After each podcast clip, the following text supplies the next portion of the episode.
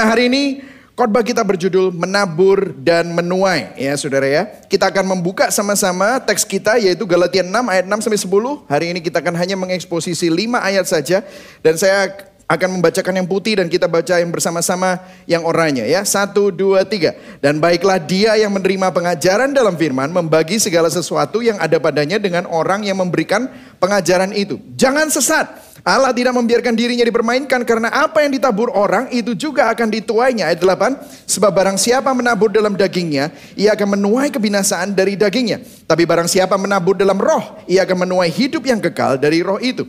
Janganlah kita jemu-jemu berbuat baik karena apabila sudah datang waktunya kita akan menuai jika kita tidak menjadi lemah. Ayat 10 karena itu selama masih ada kesempatan bagi kita marilah kita berbuat baik kepada semua orang tetapi terutama kepada kawan-kawan kita seiman. Berbahagialah orang mendengar firman Tuhan memelihara dalam hatinya dan melakukannya Nah saudara pada saat kita mendengar kata menabur dan menuai di dalam gereja. Yang sering ada di dalam pikiran kebanyakan orang Kristen pasti berhubungan dengan memberi persembahan dan persepuluhan kepada Tuhan atau kepada gereja. Uh, ini masalah ya saudara ya. Teorinya biasanya kedengarannya seperti ini. Kalau kita menabur banyak, maka kita akan menuai banyak. Artinya jika kita memberi banyak berkat, maka kita akan menuai banyak berkat berlipat-lipat kali ganda. Tetapi apakah itu yang diajarkan Rasul Paulus di Galatia 6? Sekilas tanpa melihat konteks, ayat yang baru kita baca bisa diambil dan ditafsirkan keluar dari konteksnya dan menjadi ayat pamungkas bagi para penganut teologi kemakmuran, prosperity gospel. Lantas apa yang Rasul Paulus ingin sampaikan melalui ayat ini? Ayo baca sama-sama sekali lagi. Satu, dua, tiga. Jangan sesat. Allah tidak membiarkan dirinya dipermainkan. Karena apa yang ditabur orang itu juga akan dituainya. Nah saudara ada banyak pertanyaan mengenai tabur tuai. Saya sering kali banyak yang bertanya kepada saya secara DM ataupun secara personal. Apakah Rasul Paulus ini mengajarkan konsep karma atau Alkitab mengajarkan konsep karma? Karma mengajarkan bahwa alam semesta akan memberi kita kebaikan kalau kita berbuat baik. Dan keburukan atau kejahatan kalau kita berbuat jahat. Dengan kata lain, hal baik terjadi pada orang yang berbuat baik dan hal buruk terjadi pada orang yang berbuat jahat. Apakah hukum tabur tuai di Alkitab itu sama konsepnya dengan karma? Nah, saya sudah membahas ini berkali-kali dengan banyak orang, tetapi saya perlu memasukkannya di dalam khotbah supaya saudara tidak lagi hidup dan berpikir bahwa kekristenan itu ada mirip-miripnya dengan karma. Begini saudara, ya, saya akan saya akan memberikan sedikit apologetika. Iman Kristen tidak mengenal karma. Karma adalah sebuah konsep dari agama Hindu dan Buddha yang mengajarkan perbuatan baik atau buruk akan diterima di masa depan, di kehidupan berikutnya. Jadi masa depan di sini bukan hanya esok hari, bulan depan, tahun depan. Itu bisa juga, tetapi juga di kehidupan berikutnya. Jadi tidak peduli kapan itu, tetapi pasti akan diterima kembali. Nah, karma tidak tunduk pada apa pun. Tuhan pun tidak berkuasa atas karma. Apa yang manusia lakukan dalam kehidupan sebelumnya akan dia terima dari kehidupan yang sekarang. Apa yang dia lakukan kemarin akan dia terima cepat atau lambat di kemudian hari. Jika perbuatan baik, maka ia menerima hasil dari perbuatan baiknya. Jika perbuatan jahat, maka dia akan menerima hasil dari perbuatan jahatnya. Itu karma, saudara. Nah, saya akan memberikan perbedaan, lima perbedaan antara karma dan iman Kristen. Supaya saudara itu jelas. Dan once and for all, kalau nanti kalau ada yang tanya, tinggal saya suruh bilang, nontonlah khotbah Galatia, ya eksposisi Galatia yang ke-27, minggu ke-27. Jadi kalau saudara perhatikan, iman Kristen, Alkitab mencatat manusia hidup cuma sekali. Setelah dia mati, dia akan dihakimi tidak ada kehidupan kedua di bumi. Nah ini berbeda, karma mengajarkan manusia bisa hidup kembali di kehidupan berikutnya. Reinkarnasi, bisa dalam wujud binatang atau manusia atau sesuatu yang di atas manusia. Makhluk halus dan yang lain-lain. Kemudian yang kedua, Alkitab mengajarkan manusia memang lahir berdosa, tetapi itu bukan karena dosa di kehidupan sebelumnya. Bayi berdosa karena dosa Adam. Karma mengajarkan perputaran sebab akibat yang tidak berawal dan berujung. Tidak ada permulaan atas segala sesuatu. Jadi begini saudara, kapan kejahatan pertama kali dilakukan atau kapan perbuatan baik pertama kali dilakukan tidak diketahui. Tiba-tiba karma langsung ada. Nah yang ketiga, Alkitab menunjukkan manusia berdosa. Tidak ada yang baik. Tadi kita udah baca di katekismus ya. Tidak ada yang baik. Tidak ada seorang pun yang melakukan kebaik, kebaikan tanpa intervensi Tuhan. Nah konsep ini bertabrakan dengan hukum karma. Di mana manusia menentukan nasibnya sendiri dengan melakukan perbuatan baik atau jahat menurut pilihannya. Nah kalau ini benar dari ayat katekismus yang kita baca tadi, sebenarnya tidak ada orang benar. Karena kalau orang yang melakukan perbuatan baik dengan harapan dia mendapatkan imbalan kebaikan, itu tidak baik. Kalau dia melakukan perbuatan baik bukan karena kebaikan tetapi karena ada agenda, maka itu juga tidak baik. Maka kalau ayat tadi tidak ada orang benar, tidak ada orang yang melakukan yang benar, maka di dalam hukum karma tidak akan ada orang yang menerima kebaikan. Melainkan semua orang pasti menerima hukuman karena tidak ada orang baik. Nah saudara lihat ya ini bertabrakan. Kemudian yang keempat, Alkitab mengajar ada konsep pengampunan dosa. Tuhan mengampuni orang berdosa saat mereka percaya kepada Kristus dan pengorbanannya di atas kayu salib yang menanggung dosa orang berdosa. Karma tidak mengenal konsep pengampunan. Apa yang kamu lakukan itu akan kamu dapatkan kembali. Jadi kalau hari ini saudara nggak sengaja sudah berdosa dan berbuat jahat, bahkan saudara melakukan sesuatu yang saudara tidak sengaja, oh jangan kaget. Itu pasti akan dibalas menurut karma, saudara. Tidak ada konsep pengampunan dosa. Nah, yang kelima, Alkitab percaya Tuhan adalah Tuhan pencipta yang berdaulat atas alam semesta. Nah karma adalah salah satu dhamma niyama, yaitu hukum alam dari panca dhamma niyama. Lima hukum alam yang menguasai alam semesta yang bersifat absolut. Tuhan pun harus tunduk pada hukum karma. Nah jadi jelas ya berdasarkan Alkitab secara keseluruhan apa yang dikatakan Rasul Paulus tidak sama dengan konsep karma. Ya jadi once and for all. Kita pastikan ini. Kok jadi kayak seminar ya saudara ya. Tidak apa-apa tapi saudara ini menambah wawasan kita ya. Jadi saudara kalau misalnya sudah ditanyain orang Kristen percaya nggak hukum karma? Teori tabur tuainya ada kemiripan mungkin.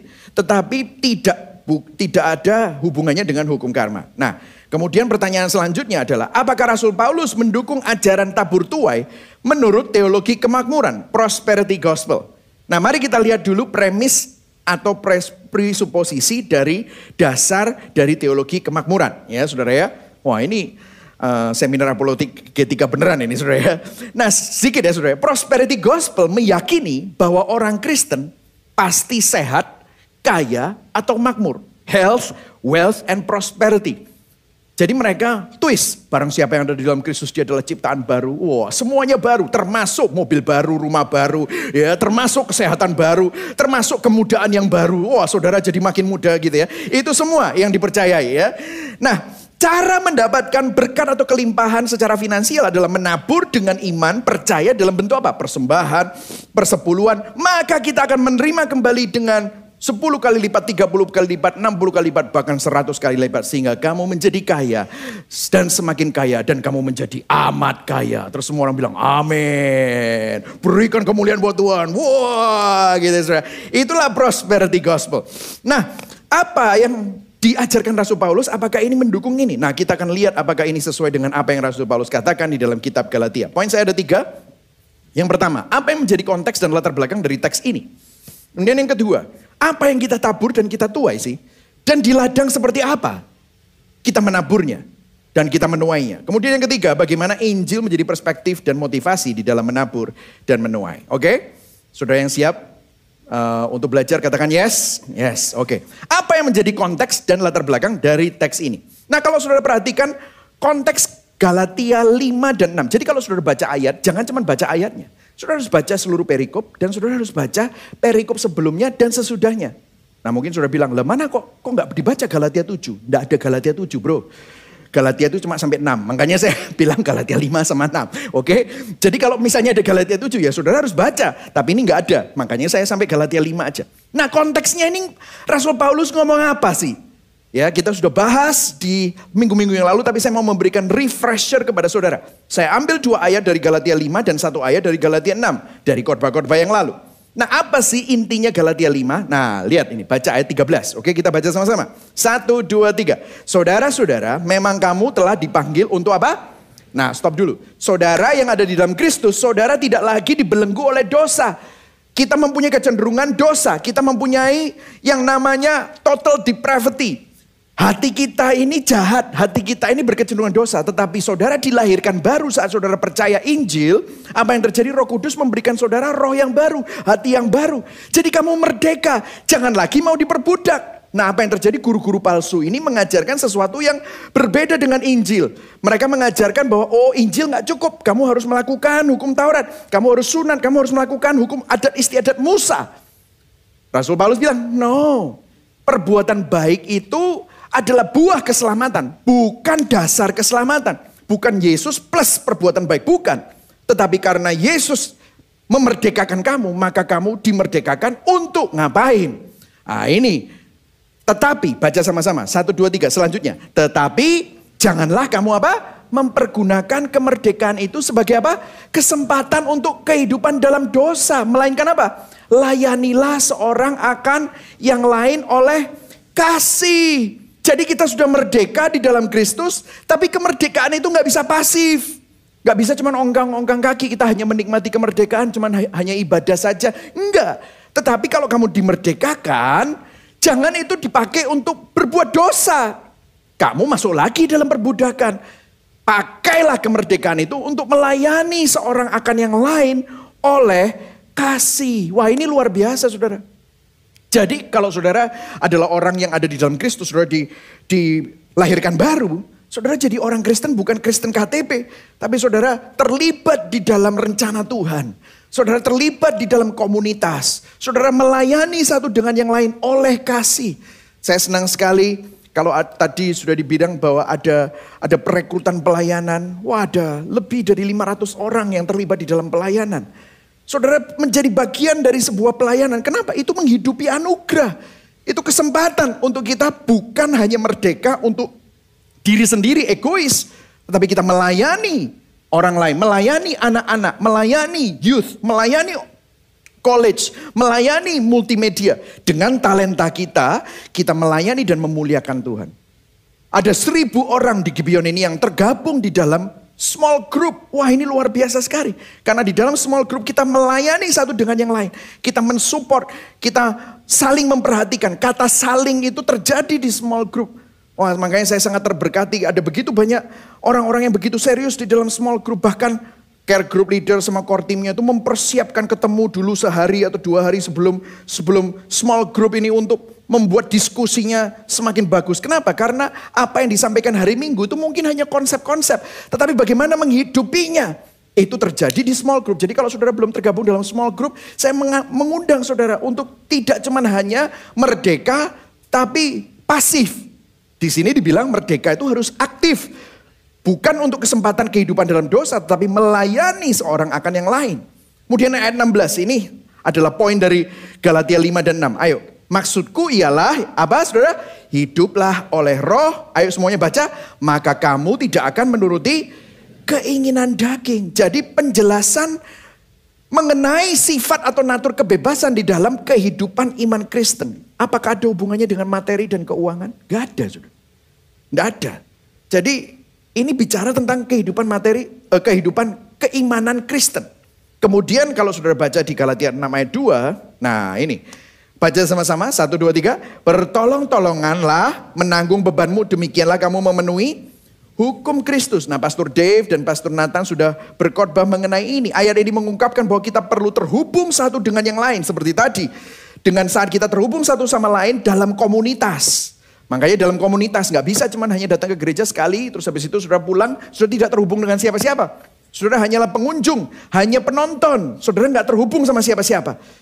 Nah, di sinilah kita bisa tolong menolong. Nah, apakah hubungannya dengan materi, finansial? Ada. Kalau ada yang butuh pertolongan, tolonglah dia. Kalau ada yang lapar, belikan makanan. Ya kan? Kalau ada yang membutuhkan pertolonganmu, Berikan tenagamu, berikan perhatianmu, berikan doamu. Perhatikan orang-orang itu. Ya makanya Yesus pernah marah sama orang-orang Farisi. Kamu persembahan persepuluhan, tapi kamu tidak memperhatikan keadilan.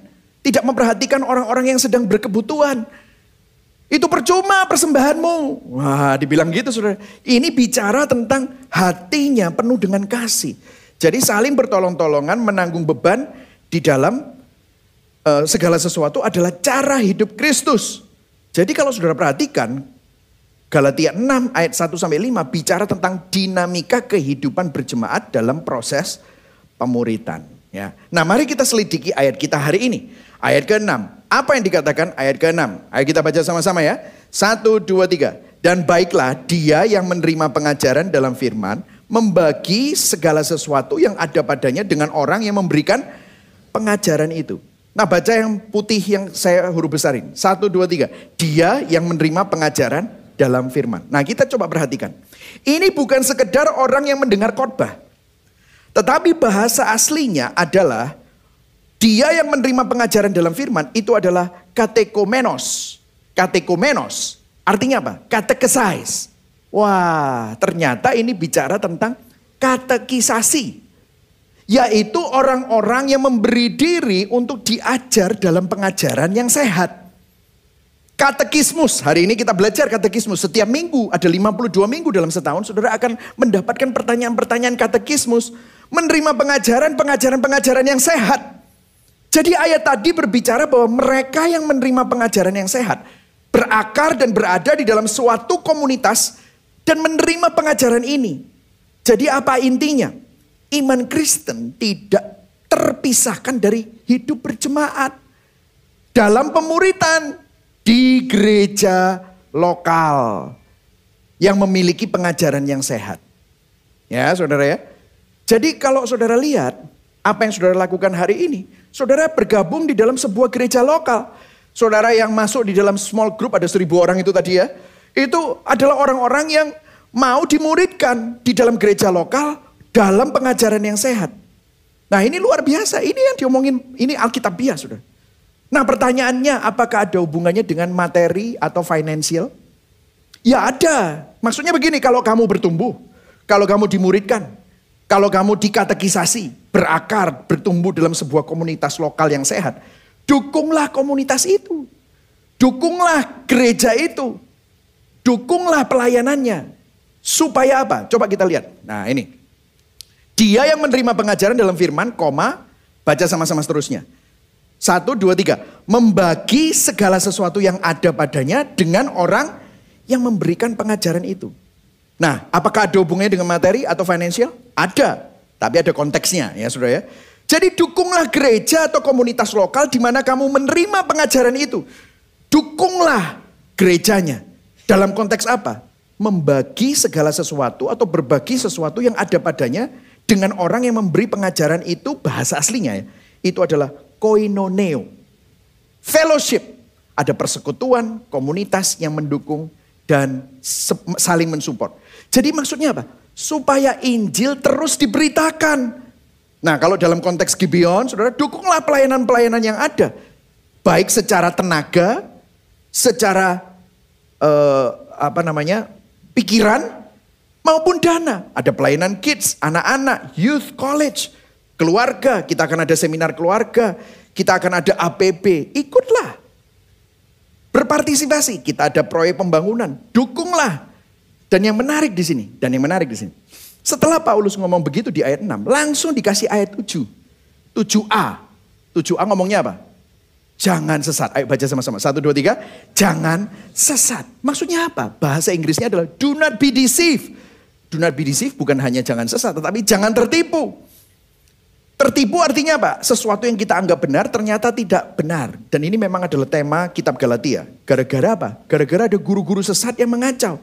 Jadi gini, ada komentar yang bilang, jangan sesat, jangan mensupport guru palsu. Jadi ceritanya begini ya saudara ya, saya mau kasih sedikit saudara konteks. Dulu sebelum guru-guru palsu itu ada, jemaat Galatia itu berakar dalam gereja lokal. Belajar Injil menerima katekisis, katekomenos, katekisasi itu tadi. Pengajarannya sehat, baik, mensupport gereja itu. Tiba-tiba ada gereja, eh, ada guru-guru palsu yang masuk yang lebih memukau, lebih menarik. Apa yang terjadi? Mereka tidak lagi mendukung gereja itu, tidak lagi berakar, tidak lagi mendengar pengajaran sehat, eh malah ikut guru ini, malah mensupport guru-guru palsu ini. Malah ikut sesuatu yang salah. Rasul Paulus mengingatkan, jangan sesat. Guru palsu yang memberikan pengajaran ini salah. Jangan menerima pengajaran dari mereka dan berkoinonia dengan guru-guru palsu yang ada di Galatia 4. Tepatnya dijelaskan di Galatia 4 ayat 17. Ini saya bahas di minggu yang ke-17 dalam khotbah gospel ministry. Di Galatia 4 dijelaskan. Galatia 4 ayat 17. Kata-katanya begini, kalau saudara pingin flashback, saudara bisa nonton khotbah minggu ke-17. Dia bilang begini, Galatia 4 ayat 17a. Mereka, yaitu guru-guru palsu, dengan giat berusaha untuk menarik kamu. Tetapi tidak dengan tulus hati. Karena mereka mau mengucilkan kamu supaya kamu dengan giat mengikuti mereka zealous to win you over. Ada komentari Galatia yang mengatakan gini, para guru palsu sedang memuji dan menonjolkan jemaat Galatia, supaya jemaat Galatia juga memuji dan menonjolkan mereka. Don't follow these guys. Kalau ada sebuah pengajaran yang menonjolkan perbuatan gurunya, karunia gurunya, yang menunjukkan bahwa yang menjadi fokus bukan lagi Injil, tetapi manusianya, jangan sesat. Jangan dukung yang model seperti itu. Makanya Tim Keller pernah bilang juga mengenai hal ini. Dia bilang begini, pelayanan yang tidak terpusat kepada Injil hanya akan mengumpulkan penggemar yang bergantung secara emosional kepada pemimpinnya. Pelayanan palsu tidak berfokus pada Kristus dan anugerahnya, melainkan kepada pemimpinnya, manusianya, dan perbuatannya. Pelayanan yang berpusat pada Injil akan membangun murid-murid yang memandang kepada salib, dan beriman kepada Kristus saja serta anugerahnya yang menyelamatkan. Yang setuju katakan amin. Amin. Jadi ini adalah poin dari yang mau disampaikan Rasul Paulus. Jadi kesimpulannya begini saudara ya. Ada banyak orang yang mungkin perbuatannya baik tapi teologinya salah. Saudara tahu perbuatan baik tanpa teologi yang benar tidak menghasilkan kemuliaan Tuhan. Kesimpulannya begini. Metodologi tanpa teologi yang benar tidak akan menghasilkan doksologi.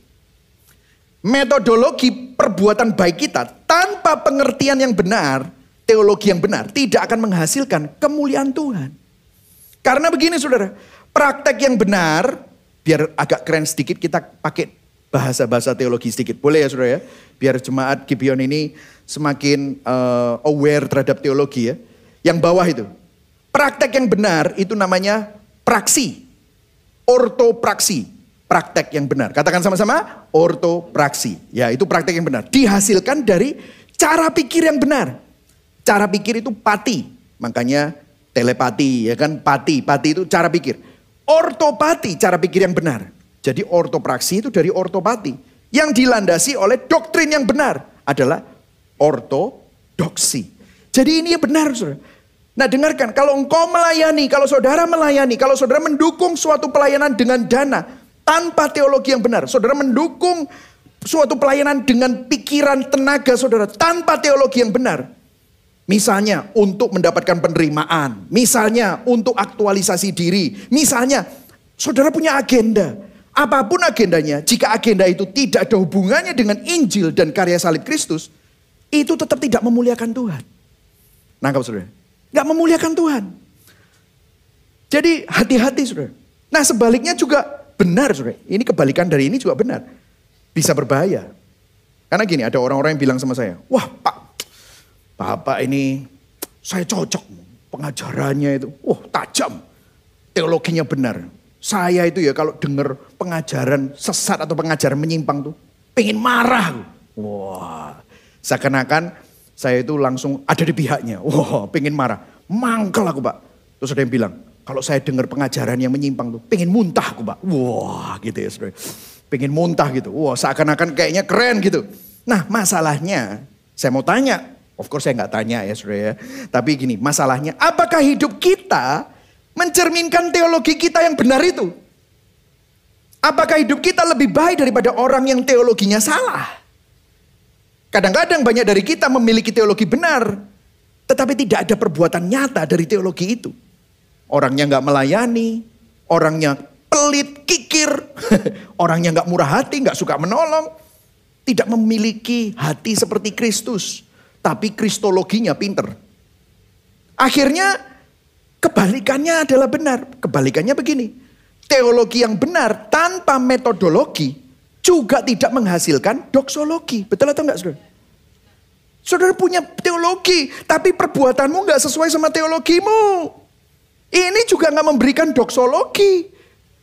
Saya taruh bawahnya. Doktrin yang benar, ortodoksi yang berhenti hanya sebagai pengetahuan, ortopati, akhirnya tidak menghasilkan ortopraksi. Praktek yang benar tidak ada. Banyak orang memiliki teologi yang benar, tapi kerjaannya marah-marah. Mengkritik sana sini. Sama orang yang memiliki teologi yang salah, dia kepingin muntah, mangkel. Tapi perbuatannya sendiri tidak lebih baik daripada orang yang ajarannya salah. Percuma tidak memuliakan Tuhan, bahkan jadi batu sandungan. Sehingga banyak orang yang anti teologi, udahlah nggak usah doktrin-doktrinan, yang penting hidupmu aja loh ya toh. Banyak kan yang kayak gitu. Kenapa? Ya orang-orang model yang punya teologi benar, sombong-sombong, kerjanya suka marah-marah, akhirnya jadi farisi teologi. Teologi yang benar tanpa praktek yang benar tidak ada gunanya. Praktek yang benar tanpa teologi yang tepat menghasilkan kesalah kaprahan. Akhirnya tidak memuliakan Tuhan juga. Paham saudara? Yang setuju katakan amin. Terlalu keras, saya semoga berdoa supaya saudara bisa menghayati ini. Oh iya ya. Jadi gini saudara, teologi sama metodologi itu tidak bisa dipisahkan. Harus sinkron. Teologimu akan menghasilkan cara pikir filosofi. Jangan berhenti di situ. Hayati Makanya perlu reflektif. Sehingga itu nampil, ditampilkan. Injil bukan hanya dipahami. Injil diperagakan. Injil ditampilkan. Yang setuju katakan amin. Amin. Nah lanjut ya. Saudara paham ya, lanjut. Karena apa yang ditabur orang, itu juga akan dituainya. Kita masuk dalam poin yang kedua. Apa yang kita tabur dan tuai di ladang seperti apa? Nah saudara sekali lagi Alkitab menggunakan istilah bercocok tanam di dalam menabur dan menuai. Karena konsep ini dipahami dengan baik oleh masyarakat agraris yang merupakan konteks di mana Rasul Paulus menulis di zamannya. Banyak orang melakukan farming, melakukan pertanian. John Stott di dalam bukunya komentari Galatia di halaman 165 dia bilang begini. Menabur dan menuai adalah suatu prinsip keteraturan dan konsistensi yang tersirat di dalam semua kehidupan materi dan moral. Jadi gini saudara, petani akan selalu menuai jenis tanaman atau buah yang sama dari benih yang ditaburkan. Jadi poinnya memang apa yang ditabur itu yang dituai. Artinya begini saudara, kalau kita menabur benih jeruk, kita tidak akan mendapatkan panen jagung. Gak mungkin. Tidak peduli seberapa banyak saudara ingin panen jagung, kalau kita tidak pernah menabur benih jagung, maka kita tidak akan pernah panen jagung. Tapi kalau saudara akhirnya memberikan menabur benih jagung baru kita bisa panen jagung. Jadi apa pun yang kita tabur itu yang kita tuai. Berarti meskipun benih itu mungkin tergeletak di tanah tanpa hasil untuk waktu yang lama, tapi benih itu pasti akan muncul. Jadi bukan penuaian yang menentukan panennya, tetapi penaburan yang menentukan panennya. Sudah nangkap ya? Penaburannya. Jadi konteksnya di sini mungkin sudah tanya, lah kita suruh nabur apa? Nah, Apakah duit? No, no, no, no, no. Ini jelas. Kita lihat Galatia 8. Baca sama-sama. Satu, dua, tiga. Sebab barang siapa menabur apa? Dalam dagingnya. Ia akan menuai kebinasaan dari dagingnya. Tetapi barang siapa menabur dalam roh. Ia akan menuai hidup yang kekal dari roh itu. Oh ini ternyata bukan tentang finansial. Tetapi tentang daging dan roh. Nah lantas apa yang ditabur? Apa yang dimaksud? Barang siapa menabur dalam dagingnya, ia akan menuai kebinasaan dari dagingnya. Nah, saya akan mengutip John Stott. Karena ada banyak komentari tetapi semuanya agree dengan apa yang dikatakan oleh John Stott di dalam komentari Galatia. Dia bilang begini. You sow a thought, you will reap an act. You sow an act, you will reap a habit. You sow a habit, you will reap a character. You sow a character, you will reap a destiny. Saudara menabur pikiran, saudara akan menuai perbuatan. Artinya begini, saudara mikir yang sesuatu yang baik, maka perbuatanmu akan lama-lama mengikuti pikiranmu. Kalau saudara menabur pikiran yang maksiat, pikiran yang kotor, pikiran yang jahat, maka perbuatanmu cepat atau lambat akan maksiat, kotor, dan sesuai dengan apa yang kamu pikirkan. Dan kalau saudara tidak mengubah perbuatanmu, kotor terus, maksiat terus, jahat terus, maka kita sedang menabur perbuatan, kamu akan menuai kebiasaan. Karena perbuatan itu kalau tidak pernah dievaluasi dan kamu lakukan terus, akan jadi kebiasaan. Dan kalau kebiasaan itu tidak pernah kamu pertobatkan, kamu nggak pernah bertobat dari kebiasaan itu, apa yang terjadi? Kamu akan memiliki karakter yang maksiat juga, karakter yang jahat juga, karakter yang kotor juga. Dan kalau kamu tidak pernah mengizinkan Injil mengintervensi hatimu, kamu menabur karakter, apa yang terjadi? Jalan hidupmu akan juga seperti itu. Jadi saudara bisa lihat ya progresinya. Mulainya dari mana? Pikiran dan perbuatan. Jadi benihnya apa? Benih adalah pikiran dan perbuatan saudara. Saudara, saya pernah melihat sebuah kesaksian, bukan kesaksian ya, ini dokumentari, sebuah interview yang terjadi di prison, di penjara maximum security. Jadi penjara ini adalah orang-orang yang Eh, kasus-kasusnya berat seperti pembunuhan, serial killer, ya, eh, orang-orang yang dihukum seumur hidup, orang-orang yang dihukum terorisme dan yang lain-lain ya. Jadi mereka itu ditanyain, kamu itu gimana sih kok bisa sampai masuk di sini itu mulainya kayak gimana? Selalu mulainya begini, I watch a movie, I have some friends, I read some books, and then dia bilang, I have a thought. Selalu gitu, I have a thought. Saya nonton film, saya baca buku, saya punya teman-teman, kemudian apa? Saya punya pikiran. Nah, mulainya dari mana? Pikiran. Sampai bisa masuk di penjara maksimum security, dihukum seumur hidup atau dijatuhi hukuman mati. Mulainya dari mana? Pikiran. Jadi benih ini adalah pikiran kita dan perbuatan yang akhirnya Benih ini bisa jadi pikiran dan perbuatan, perbuatan jadi kebiasaan, kebiasaan jadi karakter, karakter jadi jalan hidup kita. Jadi memang this is very powerful. Ini adalah teologi antropologi ya saudara ya. Jadi ini prinsip mekanisme antropologi pengalaman. Nah dengarkan saudara, memang control station dari hidup manusia ada di dalam hati. Itulah sebabnya Tuhan memperbarui hati kita. Tapi di tahap ini Surat Rasul Paulus sudah mengasumsikan bahwa kalau kita percaya Kristus, maka jemaat Galatia ini sudah memiliki hati yang diperbaharui. Mereka adalah orang Kristen lahir baru. Jadi dengan hati yang baru, pikiran seperti apa yang kamu tabur? Karena saudara punya hati yang baru bisa nggak nyaman dengan dosa, tetapi saudara udah kebiasaan mikir yang jelek, mikir yang licik, mikir yang nipu, mikir yang uh, maksiat. Dan kalau saudara tidak mengubah cara pikirmu, kamu sedang menabur dalam daging meskipun kamu lahir baru. Itu yang dimaksudkan Rasul Paulus. Jadi kamu bisa, saudara punya kecenderungan dosa. Kalau kecenderungan dosa itu tidak pernah kamu pertobatkan dan kamu mulai menabur pikiran yang baru, apa yang terjadi? Kita memanjakan kecenderungan itu dan kecenderungan itu kita pelihara dan akhirnya apa? Kecenderungan-kecenderungan dosa itu akan terus berbuah dalam hidup kita. Meskipun saudara punya Roh Kudus, mungkin saudara nggak nyaman, tapi setiap kali kenapa ya? Saudara ada orang yang bingung, kenapa ya aku ini kok selalu hidupnya masalahnya sama terus. Masalahnya dengan kemarahan, masalahnya dengan uh, apa pikiran-pikiran yang selalu sia-sia. Kenapa ya? Nah, di sinilah ladangnya ladang yang mana? Benihmu itu kamu pikiran tadi, kamu taruh di mana?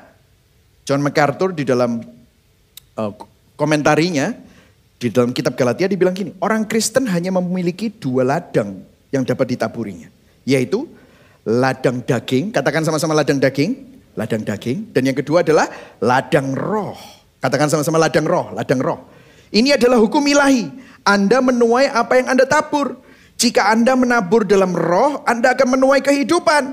Jika Anda menabur dalam daging, Anda akan menuai kebinasaan. Jadi Ladangnya apa? Daging dan roh. Jadi poin 2B pertanyaannya gini.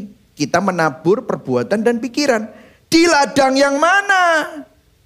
Menabur dalam daging berarti kita terus memupuk dan hidup dalam kecenderungan dan keinginan kita yang berdosa. Meskipun kita sudah lahir baru. Namun kalau kita terus menabur dalam daging, kita memelihara dan memanjakan kecenderungan itu. Akhirnya kecenderungan itu akan terus tumbuh dan menghasilkan buah dalam hidupmu. Jadi saudara, coba evaluasi. Di ladang yang mana kita sering tabur pikiran dan perbuatan kita. Kalau sudah lihat di Galatia 5 ayat 19 sampai 21. Ya, baca 19 ya. 1 2 3. Perbuatan daging telah apa? Nyata, yaitu apa? Percabulan, kecemaran, hawa nafsu, penyembahan berhala, sihir, perseteruan, perselisihan, iri hati, amarah, kepentingan diri sendiri, percideraan, roh pemecah, kedengkian, terus-terus, kemabukan, pesta pora, dan sebagainya. Ayo semuanya, terhadap semuanya ini kuperingatkan kamu seperti yang telah kubuat dahulu. Barang siapa melakukan hal yang demikian, ia tidak akan mendapat bagian dalam kerajaan Allah. Saya tambahkan lagi, Filipi 3 ayat 19. Ayo baca sama-sama, 1, 2, 3. Kesudahan mereka ialah kebinasaan. Tuhan mereka ialah perut mereka. Kemuliaan mereka ialah aib mereka. Pikiran mereka semata-mata tertuju kepada perkara dunia. Di sinilah kalau kita menabur pikiran dan perbuatan di daging, ini yang terjadi. Saudara beberapa orang Kristen menabur dalam daging sepanjang hari. Membiarkan pikiran mereka memikirkan kebencian, pikiran kotor, mengasihani diri sendiri, mencari penerimaan. Akhirnya hidupnya terus-menerus disiksa dengan berhala. Hidup dalam keduniawian. Coba cek, apakah semua pikiran kita kita kaitkan dengan iman kita kepada Kristus? Apakah semua perbuatan kita kita kaitkan dengan iman kita kepada salibnya? Seringkali kita hidup dalam dikotomi Hidup disconnect antara iman dan kehidupan kita sehari-hari. Dan saudara akhirnya bertanya-tanya, kenapa ya kok masalah hidupku sama saja? Kita bertanya, kenapa kok kita nggak mengalami panen rohani? Hidupku kok nggak mengalami perubahan? Jadi perlu kita tanyakan, di dalam semua yang kita pikirkan dan perbuat, apa yang menjadi doronganmu? Siapa yang menjadi pusatnya? Kamu kerja keras, kamu kerja setiap hari, kamu bersosialisasi. Apa yang jadi dorongan? Kalau yang jadi dorongan dan yang menjadi pusatnya adalah kita atau ego kita menjadi pusatnya, maka dalam perbuatan yang baik sekalipun, bahkan dalam pelayanan sekalipun, kita melakukan itu semua yang baik, untuk mendapatkan penerimaan manusia, kita melakukannya untuk mengontrol situasi kita, kita melakukan sesuatu untuk memuaskan berhala kenyamanan kita, kita melakukan sesuatu untuk mendapatkan power, maka kita sedang menabur di dalam daging. Halo. Tapi lihat apa hasilnya kalau kita menabur dalam roh. Waktu yang menjadi pusatnya Tuhan, yang menjadi dorongan adalah Injil. Coba kita baca ayat 8b yang putih itu. Satu, dua, tiga.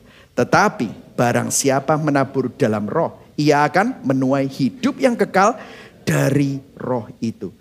Jadi waktu kita melakukan sesuatu untuk memuliakan Tuhan, maka kita bekerja keras, kita bersosialisasi, kita melakukan semua yang kita lakukan bukan untuk pembuktian diri. Tetapi karena sadar bahwa segala sesuatu adalah titipan Tuhan. Segala sesuatu yang ada di dalam hidup kita itu semata-mata karena kasih karunia Tuhan. Maka saat kita kerja, maka saat kita berteman, saat kita belajar, kita bukan untuk membuktikan diri, untuk mendapatkan pernikahan, bukan. Tetapi kita menjadi pengelola yang baik untuk memuliakan Tuhan yang sudah menitipkan sumber daya ini dalam hidup kita. Kita sedang menabur dalam roh. Karena yang menjadi pusat bukan saudara Bukan diri kita, bukan ego kita. Tetapi Tuhan. Karena hidup kita milik Tuhan. Dari Tuhan, oleh Tuhan, karena Tuhan, dan untuk Tuhan. Solideo Gloria. Yang setuju katakan? Amin. Perhatikan. Kalau sudah lihat ini. Ia frase ini. Ia akan menuai hidup yang kekal dari roh itu. Kita harus hati-hati untuk tidak boleh memahami frase ini. Seakan-akan kehidupan kekal itu merupakan hasil dari pekerjaan baik kita. Bukan. Tetapi gini, perbuatan baik merupakan buah bukan akar. Ayo katakan sama-sama. Buah bukan akar. Satu, dua, tiga. Buah bukan akar. Merupakan bukti bukan fondasi. Katakan sama-sama. Bukti bukan fondasi. Bahwa seseorang sudah di dalam Kristus dan dipimpin oleh roh kudus. Yang setuju katakan amin. Amin. Jadi sekali lagi, teologi yang baik akan menghasilkan cara pikir yang benar. Ortodoksi menghasilkan ortopati. Tapi perlu direnungkan, perlu dimasukkan di dalam hati supaya menjadi praktek yang benar, ortopraksi sebagai buah dan bukti yang nyata. Amin saudara ya. Nah, apa yang terjadi selanjutnya? Dikatakan begini. Ayo baca sama-sama ayat 9 dan 10 ya. Satu, dua, tiga. Janganlah kita jemu-jemu berbuat baik. Ayat 10. Karena itu selama masih ada kesempatan bagi kita. Marilah kita berbuat baik kepada semua orang.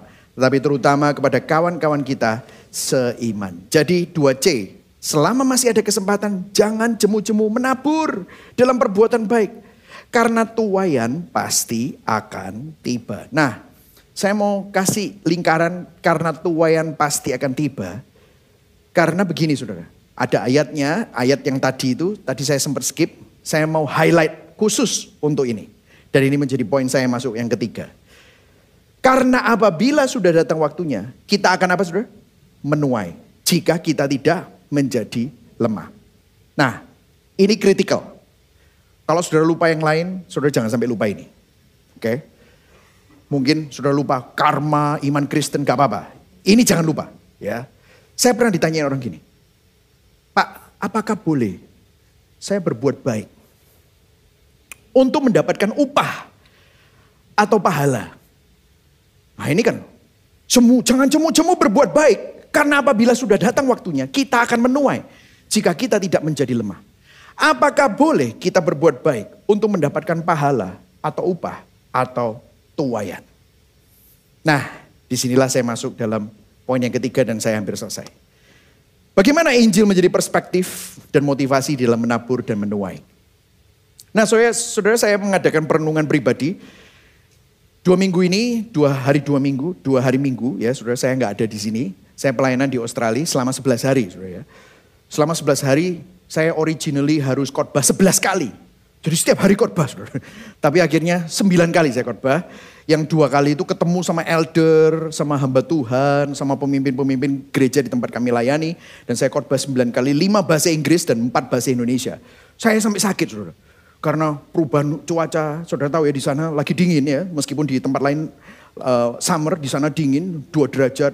Saya batuk, hampir hilang suara. Istri saya juga ikut uh, sakit gitu ya. Tapi di sana pers, uh, pelayanan kita cukup cukup fruitful, cukup fruitful dan orang-orang banyak diberkati dan of course kalau pelayanan dan mereka sangat diberkati dengan khotbah, diberkati dengan diskusi-diskusi, pasti apa yang terjadi? Banyak pujian. Waduh Pak, terima kasih Pak. Khotbahnya sangat memberkati kami. Waduh, terima kasih Pak. Diskusinya membuka wawasan. Waduh, terima kasih Pak. Nah, manusia, manusia ya. Ini boleh ya saya cerita ya Saudara ya. Saya cerita. Manusia kalau diomongin, waduh terima kasih Pak. Khotbahnya luar biasa. Waduh terima kasih Pak, pelayanannya ini luar biasa. Apa yang terjadi? Saudara Ketemu sama orang, dapat sehari. Bisa dapat 50 orang terima kasih. Pelayanannya dahsyat. Sungguh luar biasa. Luar biasa. Belum lagi yang dengar-dengar YouTube dari khotbah-khotbah yang lalu. DM-DM saya. Waduh pak, luar biasa pelayanannya. Firmannya menohok saya. Saya bertobat. Wah, terus lama-lama saudara kan. Wah, memang aku pelayanannya ciam. Ya, gitu. gitu ya saudara. Saudara gitu gak? Atau cuma saya gitu saudara? Coba saudara dipuji seratus kali dalam sehari. Pasti saudara. Memang aku ciamis saudara. Nah gini loh saudara. Saya mengadakan perenungan pribadi. Jadi gini. Orang kalau melakukan sesuatu yang baik. Itu bukan saya saja. Saudara melakukan sesuatu yang baik. Pelayananmu sehat, hatimu murni, kamu melakukan. Pasti ada hasilnya. Dan orang pasti akan terberkati dengan hidupmu. Dan orang akan mengapresiasi, memberikan pujian. Ada orang berubah gara-gara kesaksian saudara, diberkati. Hasilnya baik. Boleh nggak itu dijadikan motivasi untuk terus berbuat baik? Boleh nggak? Gini saudara. Hasil positif dari taburan perbuatan baik kita merupakan suatu keniscayaan. Pasti itu. Maksudnya begini, Tuhan sudah membuat hukumnya. Hanyalah masalah waktu sebelum kita menuai hasilnya. Kalau orang melayani dengan hati yang murni, pasti akan ada, ada hasilnya. Orang terberkati, orang bertumbuh gara-gara pelayananmu, gara-gara nasihatmu. Kalau saudara jadi care group leader, gara-gara kepemimpinanmu. Kalau saudara jadi asyir, gara-gara pelayananmu. Gara-gara senyumanmu. Gara-gara kamu suka dengan welcome ramah sama orang. Orang akan diberkati. Orang akan mengapresiasi. Nah tetapi apakah hasil yang baik, kesuksesan pelayanan, pertumbuhan dari jeripaya kita? Wah banyak yang bilang, wah Gibeon saya viral ya. Wah Gibeon rame luar biasa Pak Michael ini Habis itu iya, iya. lumayan ya aku gitu. Boleh nggak seperti ini? Untuk menghindari kesalahpahaman kita perlu menegaskan. Menuai hasil seharusnya bukanlah motivasi. Melainkan konsekuensi. Kalau kita berbuat baik, itu bukan supaya mendapatkan tuayan upah tersebut. Karena dalam kedaulatan Allah yang sudah menetapkan prinsip tabur tuai, apa yang saudara tabur kalau itu di dalam roh, pasti akan ada tuayannya, pasti itu. Setiap perbuatan baik dengan motivasi hati yang murni pasti akan diperhitungkan oleh Tuhan. Dan biasanya pasti menghasilkan buah dan tuayan yang baik. Pelayanan yang sehat biasanya bertumbuh. Apa yang saudara lakukan kalau baik, pasti akan menuai hasilnya. Tetapi seharusnya bukanlah jadi motivasi. Makanya saya langsung bertobat. Aduh Tuhan ampuni. Karena kalau kita itu termotivasi gara-gara hanya pujian orang. Apa bedanya dengan penyembahan berhala? Artinya saya melakukan sesuatu untuk mendapatkan pujian. Saya melakukan sesuatu untuk mendapatkan penerimaan. Saya perlu bertobat dari itu. Tuhan ampuni aku Tuhan. Ampuni aku karena kalau sampai aku jadi semangat melayani gara-gara melihat hasil dari pelayanannya. Maka apa bedanya aku sama bisnismen duniawi yang gak percaya Tuhan. Yang driven karena apa? Pengen dapet cuan. Tidak ada bedanya. Jadi kita seharusnya tidak menjadikan hasil tuayan menjadi motivasi. Karena hasil tuayan itu pasti konsekuensi. Lantas apa motivasi yang benar? Di balik semua taburan perbuatan baik kita yang mesti kita lakukan. Di Galatia 5 ayat 24 beberapa minggu yang lalu kita menemukan petunjuknya. Galatia 5 ayat 24. Coba kita baca sama-sama. 1, 2, 3. Barang siapa menjadi milik Kristus Yesus. Ia telah menyalibkan daging dengan segala hawa nafsu dan keinginannya. Di Kolose 3 ayat 1 sampai 3 kalau itu saudara lihat itu berhubungan, ayo kita baca sama-sama. Satu, dua, tiga ayat satu. Karena itu kalau kamu dibangkitkan bersama dengan Kristus, apa saudara? Carilah perkara yang di atas di mana Kristus ada duduk di sebelah kanan Allah. Ayat dua, pikirkanlah perkara yang di atas bukan yang di bumi. Sebab kamu telah mati, hidupmu tersembunyi bersama dengan siapa? Kristus di dalam Allah. Nah saudara kalau sudah perhatikan Paulus Selalu menasihati kita untuk selalu memandang bukan kepada hasil dari pelayanannya, tetapi selalu memandang kepada siapa? Kepala gereja. Kepada siapa? Kepada mempelai gereja yaitu Kristus dan karya salibnya. Mengapa? Why? Why Rasul Paulus selalu membawa kita kepada Kristus dan salibnya? Dengarkan saudara, this is the most important thing, this is the gospel.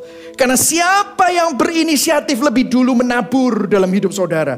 Siapa yang menabur kebaikan? Siapa yang memberikan anugerah kepada saudara? Di mana tanah Hati saudara mestinya tidak bisa ditaburi. Tanah hati saudara mestinya bobrok. Tanah hati saudara mestinya gersang, tidak subur. Siapa yang lebih dulu menunjukkan kasih kepada kita orang berdosa? Roma 5 ayat 8 berkata akan tetapi Allah menunjukkan kasihnya kepada kita. Oleh karena Kristus telah mati untuk kita. Bukan waktu kita bertobat, tetapi ketika kita masih berdosa. Yohanes 3:16 berkata, "Karena begitu besar kasih Allah akan dunia ini, for God so loved the world." Apa yang dia lakukan? Dia menabur, he gave.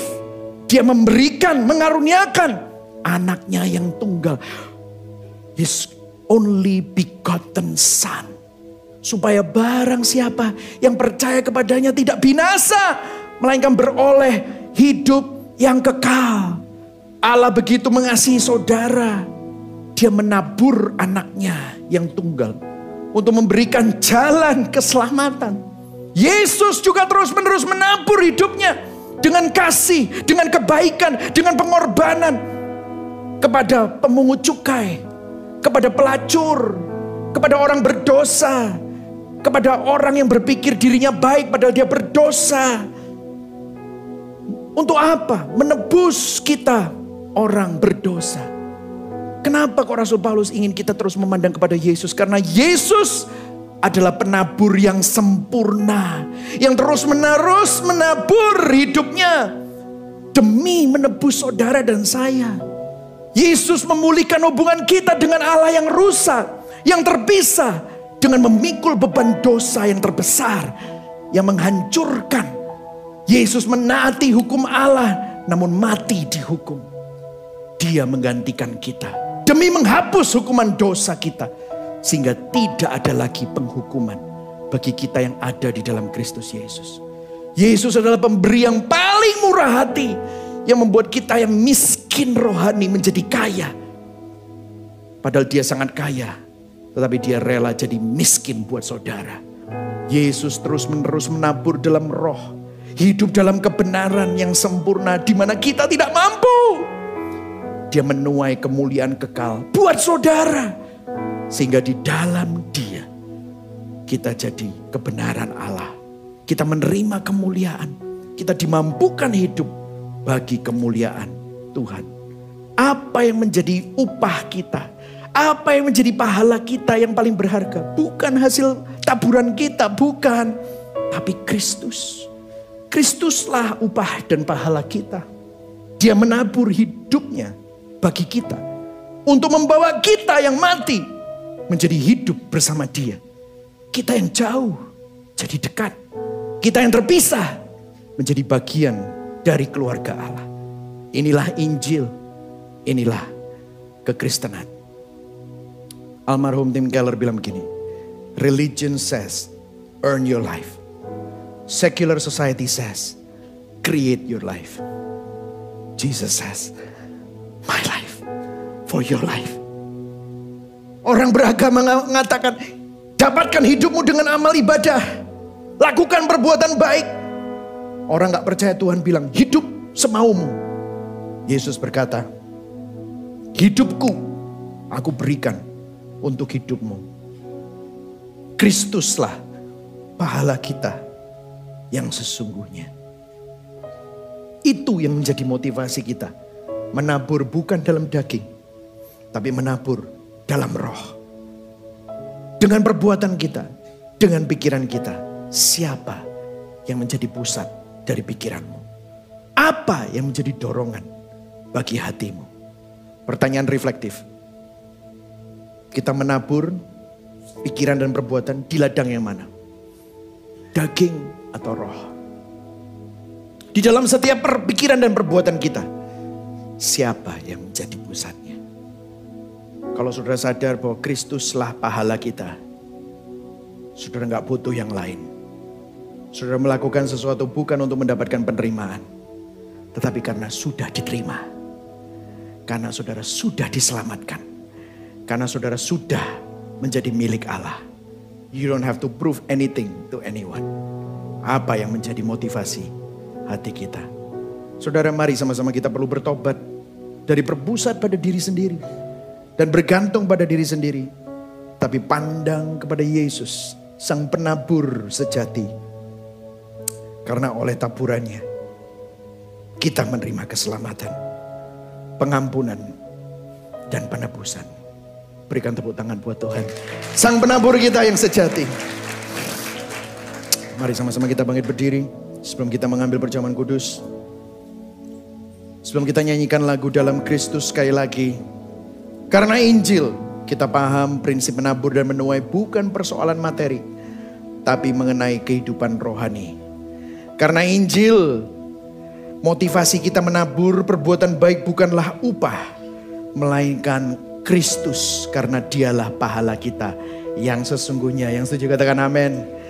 Karena Injil segala sesuatu adalah titipan, maka Tuhanlah yang menjadi pusat dan dorongan di dalam setiap pikiran dan perbuatan kita.